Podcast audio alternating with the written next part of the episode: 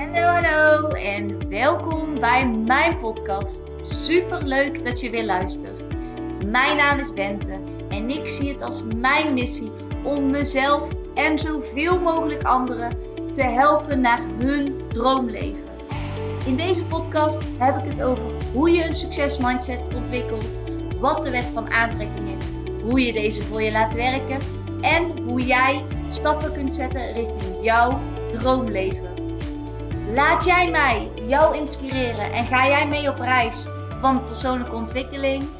Let's go Dio! Dat zul je altijd net zien. Dan heb je je microfoontje opgeruimd en dan in één keer komt er weer inspiratie voor een, een podcast. En ik wil je vandaag meenemen in het volgende, in namelijk de dood. Iets dat bij het leven hoort, maar wat wij vaak, zeker als het over kinderen gaat, willen ontwijken.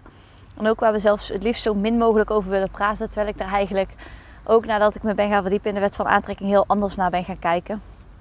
Um, zoals ik het namelijk zie, houdt het leven niet uh, op, zeg maar, als je, als je doodgaat. In de zin van, ik geloof dat we allemaal een ziel zijn en een ziel die blijft bestaan. En misschien komt de ziel ook wel meerdere keren terug op aarde, dat is maar net wat je gelooft. Maar ik geloof dus ook dat alle conditionering wegvalt en dat het juist heel vredig kan zijn op het moment dat je doodgaat. En natuurlijk blijft het een heel moeilijk proces voor de mensen die achterblijven.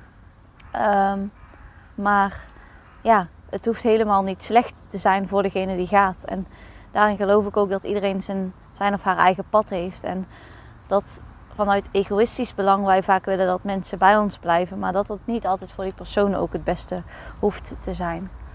En, um, en hoe kom ik nou in, in één keer bij deze filosofische uitspraak? Nou, ik reed net naar Kevin dus.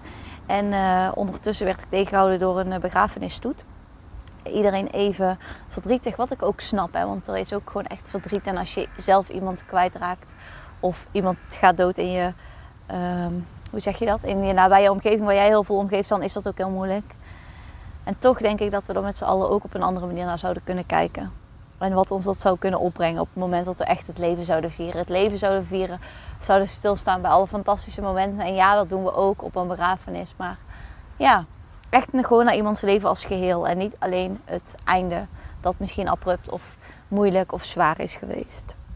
En daarnaast deed het me ook denken aan iets dat ik ooit heb gehoord. Um, we always think we have time. Dus wij denken altijd dat wij tijd hebben. Maar heel eerlijk, het is niemand gegeven. Mij niet, jou niet, niemand niet. Ons pad loopt gewoon zoals het moet lopen, maar we weten nooit wanneer het in één keer kan eindigen.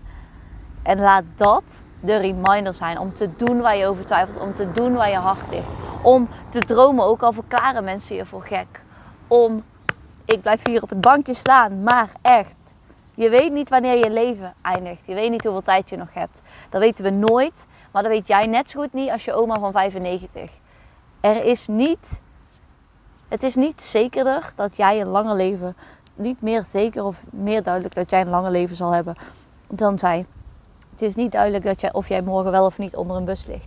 Uiteraard gaan we daar niet vanuit. En ook niet vanuit die angstgedachte van ik ga ooit dood, oeh.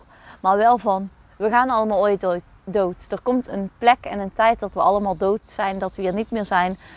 Wat zou jij dan gedaan willen hebben? Wat wil jij uit je leven halen? Bekijk het vanuit die overvloedgedachte van die tijd heb ik nog. Wat wil ik in die tijd met mijn leven doen? En er komt een tijd dat ik het volledig omarm dat ik scheid heb aan de hele wereld. En tot die tijd dat ik het nog niet volledig omarm, wat kan ik nu al doen om dat te gaan omarmen? Want er komt een tijd dat het stopt. En dan wil ik nooit spijt hebben.